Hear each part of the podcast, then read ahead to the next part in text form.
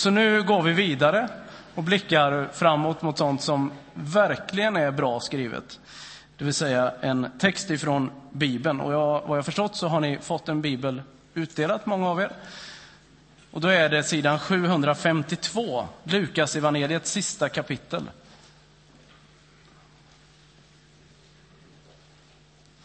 –752. Lukas 24 från vers 13.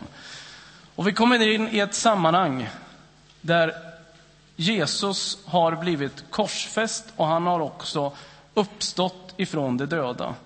Men det har inte alla hans lärjungar förstått än. Två av dem som inte har begripit detta möter vi nu i en bibeltext. Och jag läser i Jesu namn. Samma dag var två lärjungar på väg till en by som ligger en mil ifrån Jerusalem och som heter Emmaus. De talade med varandra om allt det som hade hänt. Medan de gick där och samtalade och diskuterade kom Jesus själv och slog följe med dem. Men deras ögon var förblindade och de kände inte igen honom. Han frågade, vad är det ni går här och talar med varandra om? De stannade och såg sorgsna ut. Och den ene som heter Kleopas svarade, du måste vara den enda som har varit i Jerusalem och inte vet vad som har hänt där under dessa dagar. Vad har hänt? frågade han. De svarade detta med Jesus från Nasaret, han som var en profet, mäktig i ord och gärning inför Gud och hela folket. Han blev utlämnad av våra överstepräster och rådsherrar och de fick honom dömd till döden och korsfäst, medan vi hoppades att han var den som skulle befria Israel. Men till allt detta kommer att det är tredje dagen sedan det här hände och nu har några kvinnor bland oss gjort oss uppskakade. De var vid graven tidigt i morse, men fann inte hans kropp. Och då kom, de tillbaka, kom de, och då kom de tillbaka och berättade att de i en syn hade sett änglar som sa att han lever. Några av de våra gick ut i graven och de fann att det var så som kvinnorna hade sagt. Honom själv såg de inte. Då sa han, förstår ni så lite? Är ni så tröga till att tro på det som profeterna har sagt? Skulle inte Messias lida detta och gå in i sin härlighet? Och med början hos Mose och alla profeterna förklarar han för dem vad som står om honom överallt i skrifterna. De var nästan framme vid byn dit de skulle och han såg ut att vilja gå vidare. Men de höll kvar honom och sa, stanna hos oss. Det börjar bli kväll och dagen är snart slut. Då följde han med in och stannade hos dem. När han sen låg till bords med dem tog han brödet, läste tackbönen, bröt det och gav åt dem. Då öppnades deras ögon och de kände igen honom, men han försvann ur deras åsyn. Och de sa till varandra, brann inte våra hjärtan när han talade till oss på vägen och utlade skrifterna för oss? De bröt genast upp och återvände till Jerusalem, där de fann de elva och alla de andra församlade.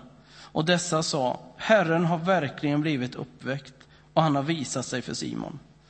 Själva berättade de då vad som hade hänt dem på vägen och hur han hade gett sig till känna för dem genom att bryta brödet. Herre, så lägger jag den här stunden i din hand och jag ber dig att leda mina tankar och min tunga i rätt riktning. Och jag ber dig att vi alla ska få sitta med öppna hjärtan och få höra om du har något att säga till oss den här förmiddagsstunden. Amen.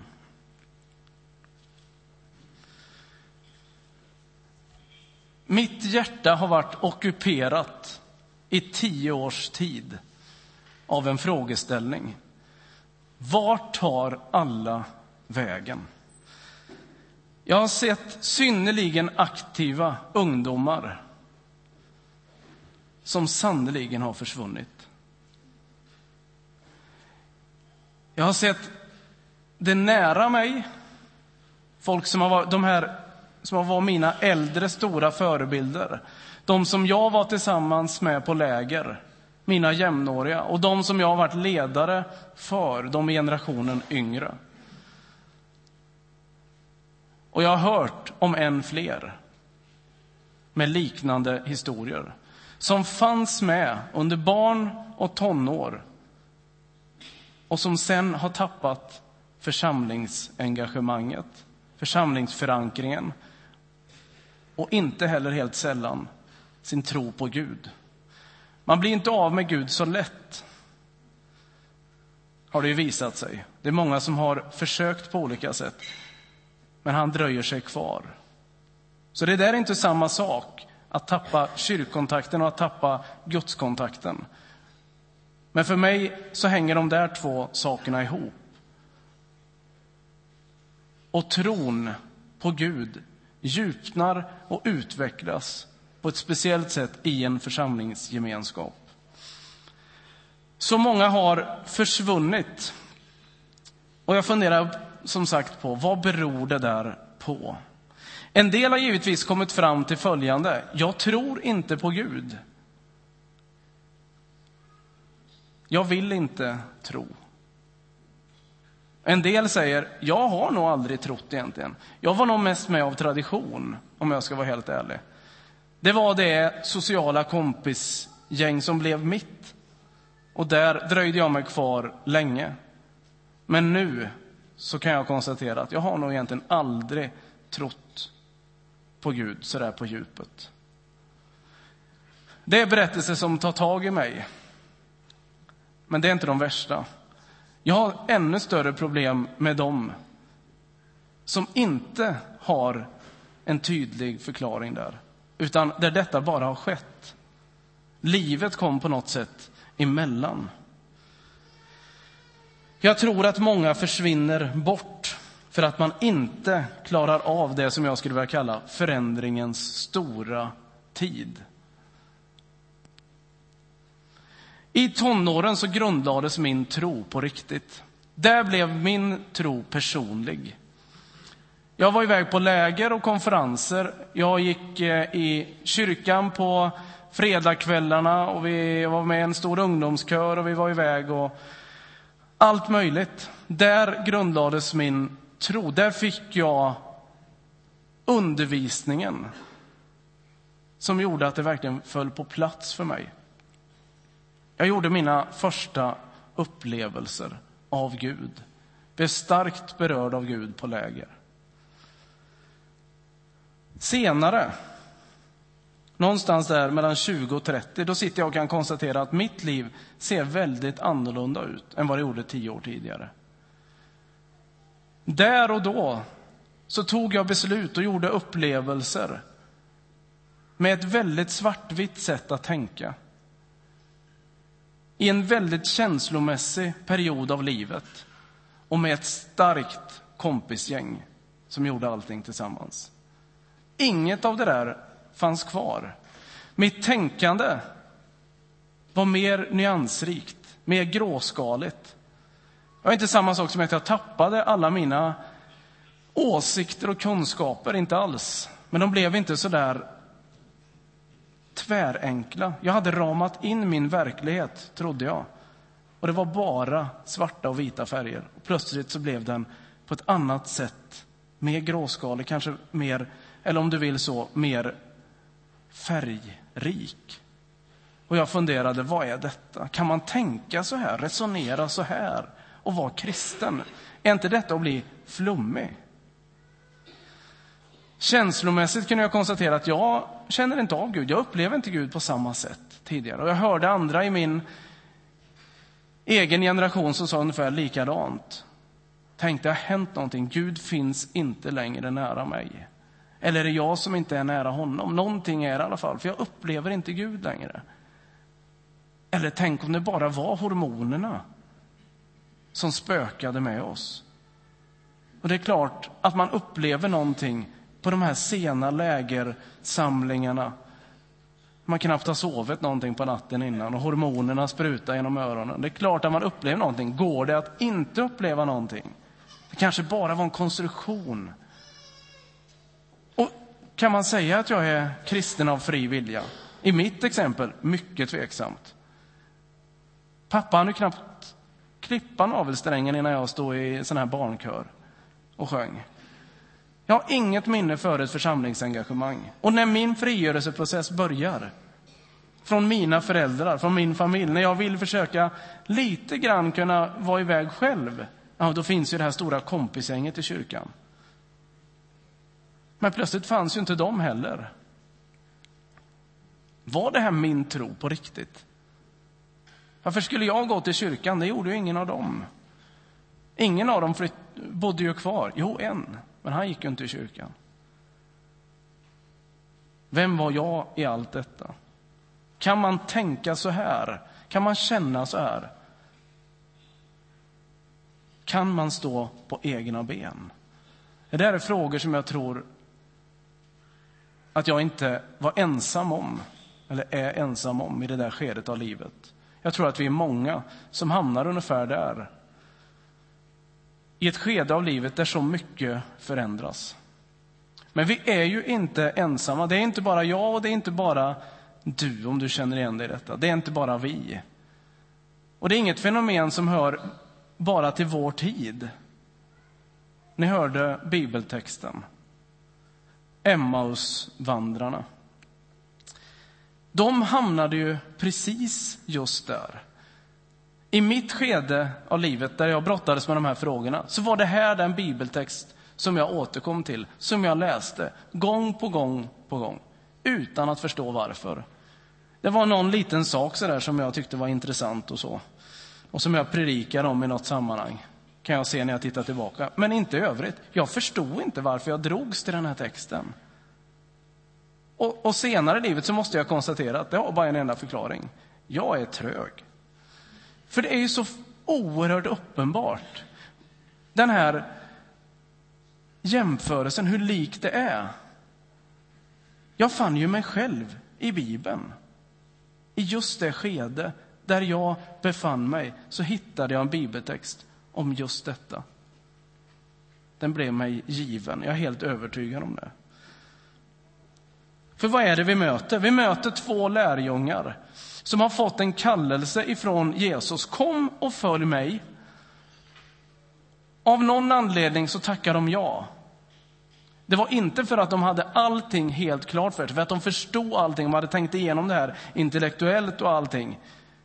De bara lämnar och går. Det är någon slags intention. Någonting gör att de börjar gå i den riktningen. Det var ju fler som gick runt och sa så där, kom och följ mig. Jag har alla hemligheter. Jag vet allt. Ta rygg på mig. Men det gjorde de inte, men de tog rygg på honom.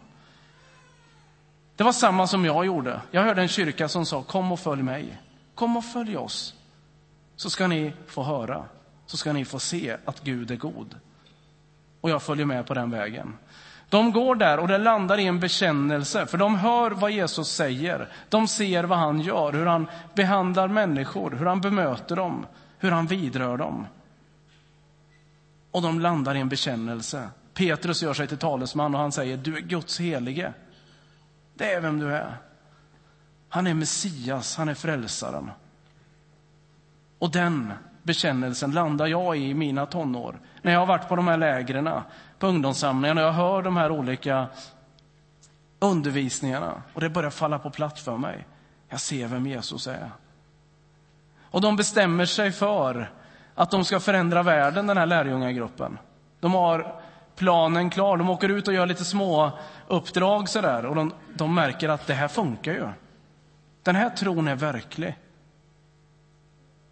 Och samma sak får jag göra. Var iväg på läger och arbetsveckor kallades det ute på, på västkusten. Som var mycket sol och bad, men som också var att berätta om sin tro och få beröra människor med den. Och de ska förändra världen, som sagt. Och de tror att de är på väg att lyckas. För de är på väg in i Jerusalem.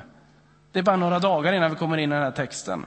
Och folk står och viftar med palmblad och sjunger sånger. Och de känner, bland alla dessa vi hade att välja emellan, så valde vi helt rätt häst. Han rider i och för sig på en åsna. Men ändå. Det här är mannen. Titta hur alla tar emot honom. Och vi är med här. Det här är ju helt fantastiskt. Nu ska Israel upprättas. Ingenting kan stoppa de här. Precis som det var för mig, för vårt kompisgäng. Jag minns lägren när vi upplevde våra kallelser till pastorer och missionärer och församlingsledare. Den här världen skulle aldrig mer bli densamma. De hade greppat allt. De skulle förändra världen med sin lärjungagrupp. nu var allt över och förbi. Det var vad de trodde.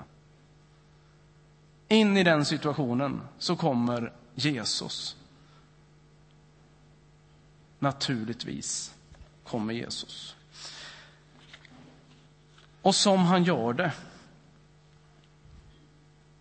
Jag har upplevt, jag har en nära vän som var med om att hamna i den här situationen där de gamla sanningarna kändes så osäkra. Där hela känslan var hopplöshet snarare än en förvissning. Och där den här kompisgruppen den hade splittrats. De hade tagit studenten och många hade flyttat iväg. Och hon och en kompis var kvar.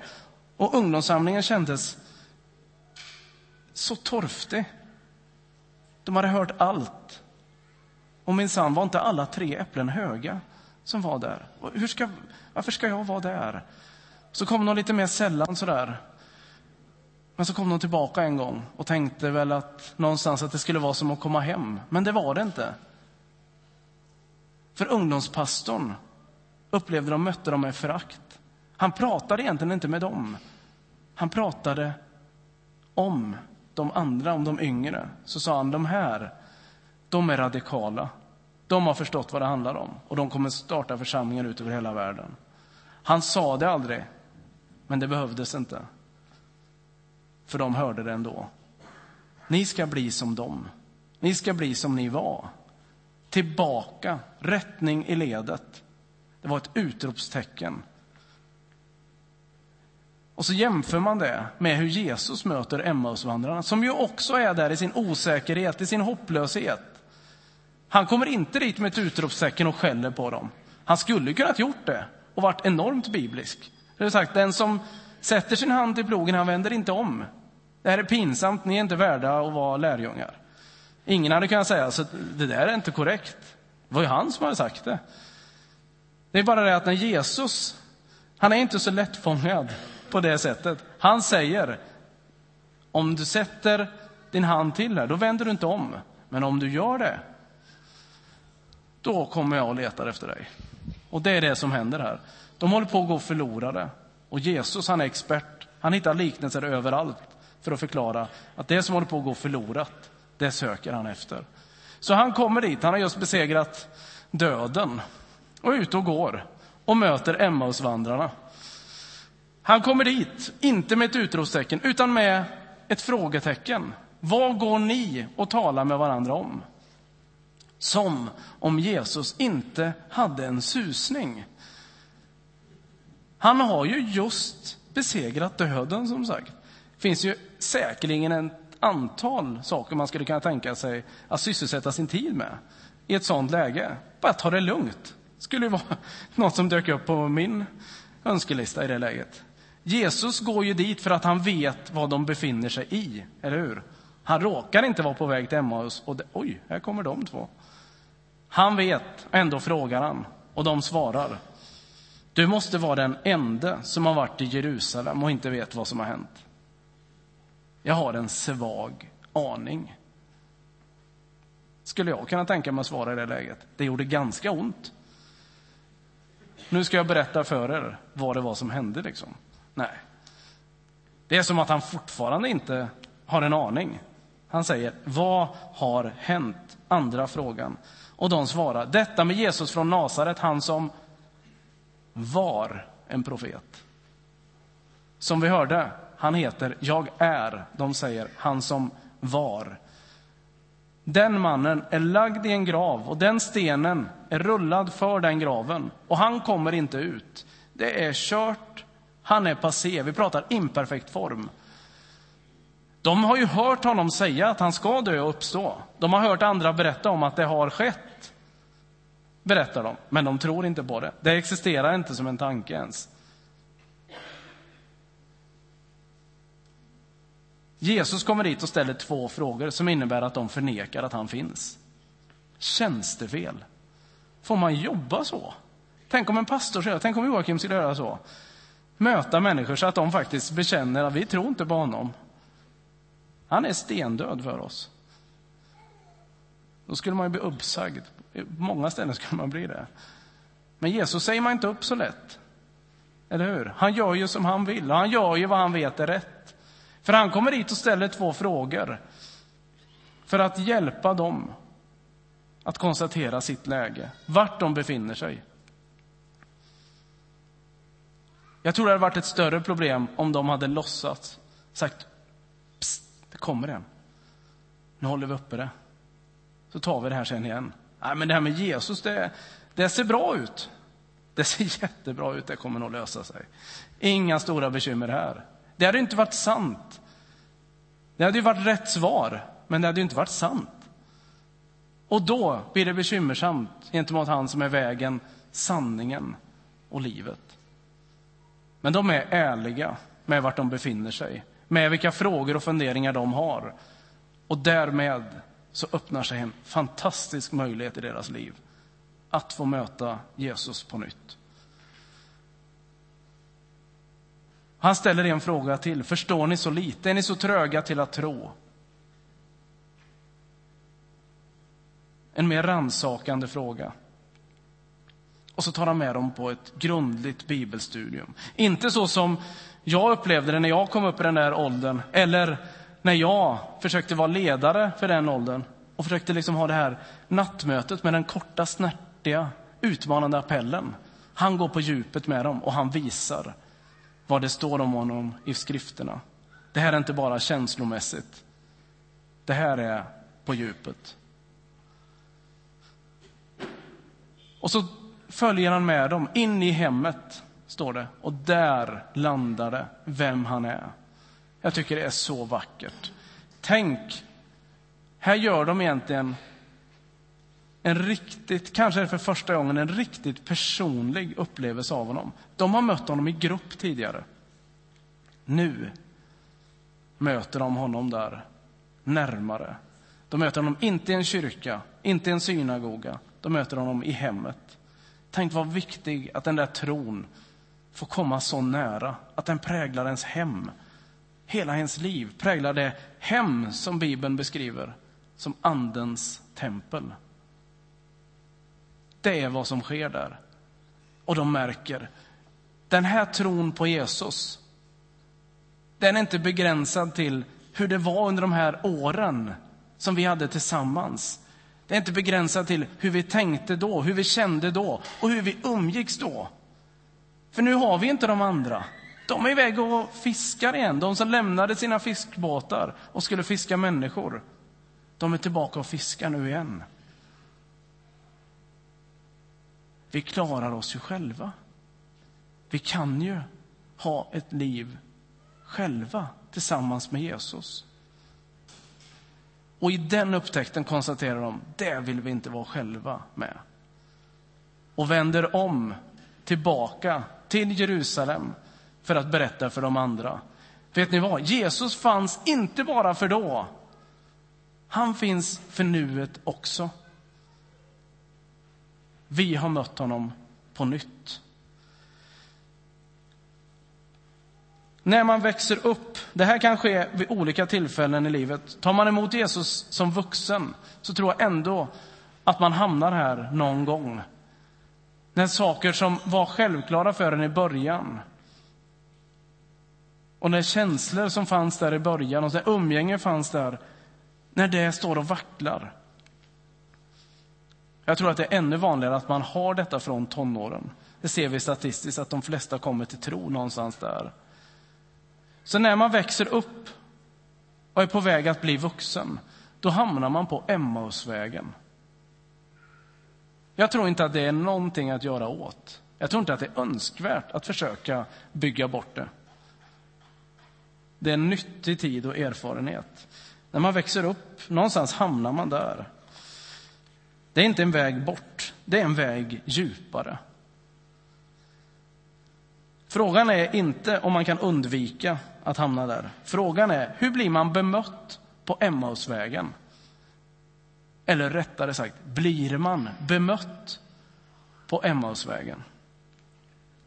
Det är en frestelse att tänka utifrån den här bibelberättelsen och utifrån en sån här predikan. Att tänka, måtte Jesus komma och möta med dem. Måtte han komma och skaka om dem. Och så är det ju. Det är klart att man ber om det. Men frestelsen ligger i att helt enkelt förpassa det dit och tänka det får vi hoppas. Så att jag slipper någonstans. För vi är kallade att ta hans exempel. Och då hamnar de här frågorna och funderingarna tillbaka till oss. Hur gör vi detta? Vi är kallade att kliva fram. Att lyssna, att ställa frågor, att hjälpa till att identifiera vart man befinner sig. Att försöka ge svar, men inte ge svar som man inte har. Vissa saker är så stora och så svåra att de inte går att fånga i ord på det sättet. Men man kan allt som oftast peka ut en riktning. Häråt, tror jag, inte däråt. Att hjälpa till, att finnas där, att ge den här vägledningen, att dela med sig av sin erfarenhet. Vet du vad? Jag har varit där också. Jag har varit i den här övergångsperioden. Jag vet vad det är att gå ifrån ett visst sätt att tänka, att få en vidgad tanke och landa i något nytt. Jag vet hur det är att få fundera kring vad som händer känslomässigt. Jag har förstått att tanken är viktig, men att, inte, att känslan är viktig, men att det inte går att bygga på den, för att en känsla är föränderlig. Och jag har varit med om att behöva ta steget att stå på egna ben efter att i tonåren ha lutat mig väldigt mycket och varit kristen i grupp. Till viss del, naturligtvis, med ett eget beslut. Men sen kommer den stora utmaningen, att verkligen stå när de andra går. Att få dela med sig där. Det är utifrån detta en katastrof att vi så mycket har hamnat i att dela upp generationerna. Man kan ju tycka att det här är en väldigt vacker syn om man tittar ut här, för det, så här ser man inte så ofta i, i Sverige idag. Så här många åldrar samlade under samma tak. Men då ska man ju också titta hur man sitter. Det är inte sådär jätte... Det är inte sådär att det inte spelar någon roll alls. Man sitter väldigt mycket jämte dem som är ungefär samma ålder. Det är ganska naturligt. Det är inte sådär jättekonstigt. Man vill dela tankar och funderingar och känslor med de som befinner sig i ungefär samma situation i ens liv. Och därför har vi olika sådana samlingar. Vi har barnkyrkan kallar ni det Tonårsgrupper, det är mitt i livet-grupper finns det säkert något. Det finns RPG-grupper, pensionär dagledarträffar och så vidare. Det där är ju jättebra grejer. Som komplement, men inte som ersättning till det här generationsmötet. Det här ska man slå vakt om, tror jag. Och det här ska man försöka utveckla så att man inte möts på ytan bara, utan man möts på djupet så att man hittar varandra. Så att man lyssnar till varandra, så man får hjälp att identifiera. Här har vi en Emmausvandrare. Här gäller det för mig att ge mer av min tid och min kraft och mitt engagemang. Här gäller det att jag prioriterar visligt. Här gäller det att jag väljer bort annat som tar min tid och mitt fokus. Arbete, hobbys, tv-tid, internet. Det finns massa saker man skulle kunna nämna och du har säkert dina bitar. För att kunna öppna upp ditt hem, för att kunna släppa in vid köksbordet, för att kunna vara ledare och åka med på läger och så vidare. och så vidare. Jag tror inte på att lägga ut på entreprenad. Jag tror inte att hemmet, där man växer upp med en kristen tro, kan lägga ut den andliga fostran och vägledningen på kyrkan. Jag tror att kyrkan är ett nödvändigt, som sagt, och gott komplement, men det är ingen ersättning. Och kyrkan ska inte ta det. Lämna era barn hit, då tar vi hand om det. Men den kan hjälpa till att vara en röst till som pekar i den riktningen. Och den kan få hjälpa till att väcka engagemang in i familjelivet och ge redskap för att vara goda förebilder där hemma. Ofta har kyrkan tagit det där och sagt, okej, okay, vi är de, de som fostrar andligen. Och vi, vi anställer bort det på någon 20-åring som flyttar in och som får ta hand om barn och tonåringarna i det viktigaste skedet av livet. Den dubbla entreprenadutläggningen är en katastrof, menar jag. Jag ska landa och skicka med detta till er. Till er som är unga, som är på väg in i en Emmausvandring eller som känner att du befinner dig faktiskt där. I någonting som skulle kunna liknas vid trons vakuum. Du vet inte riktigt var det här tar vägen. Jag vill bara säga till dig egentligen att du är inte ensam. Där har jag varit. Där är vi så många som har varit. Det finns vägar framåt. Jesus är inte begränsad till barn och tonåren. Han sa inte jag är vägen, sanningen och tonårslivet. Inte en enda gång.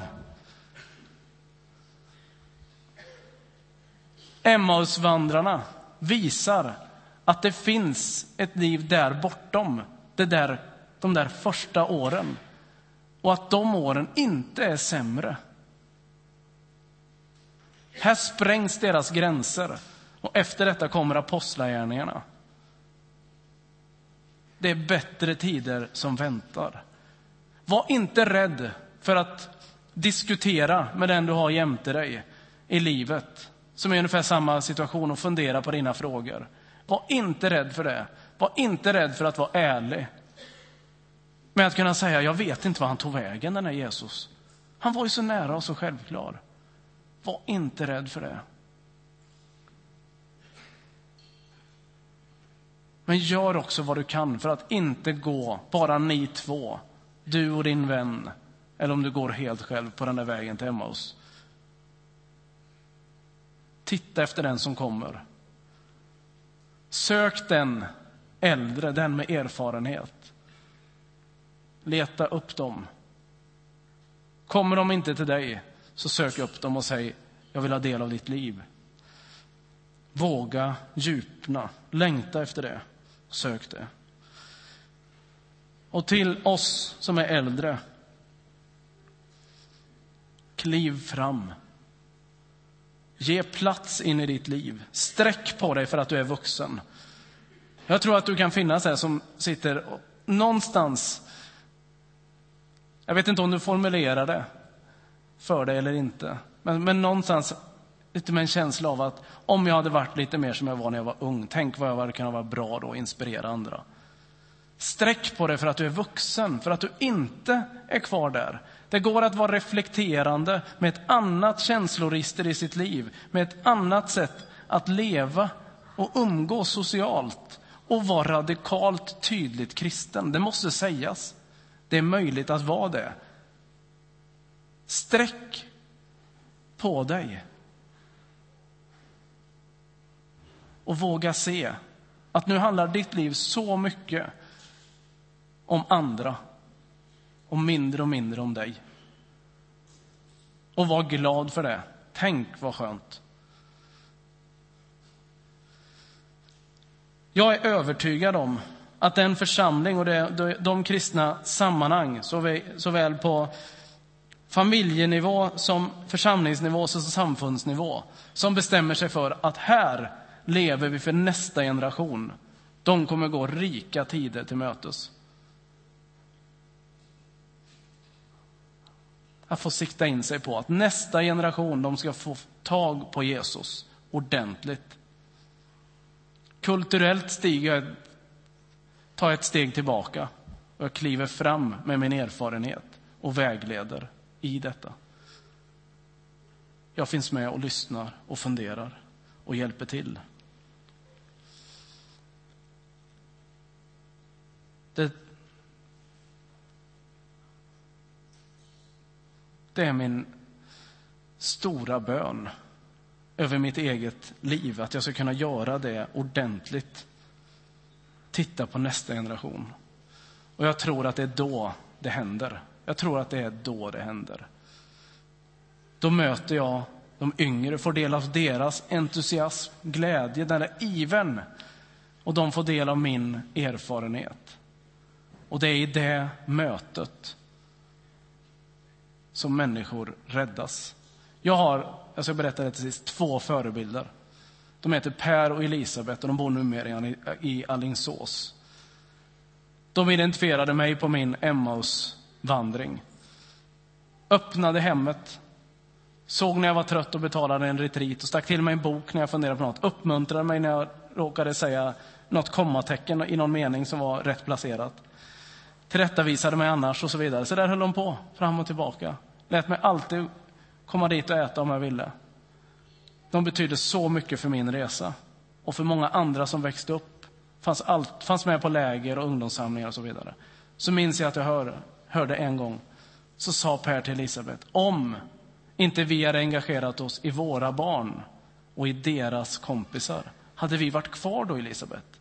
I en församling? Hade vi haft en aktiv tro på Gud nu då? Och hon svarade nej på direkten. Vad var det hon sa egentligen? Och de sa, och jag hörde alltså från dem, som jag säger, var de som hjälpte mig mest i mitt viktigaste skede och många andra.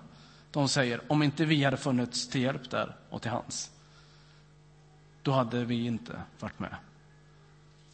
De räddade andra genom detta och de blev räddade själva.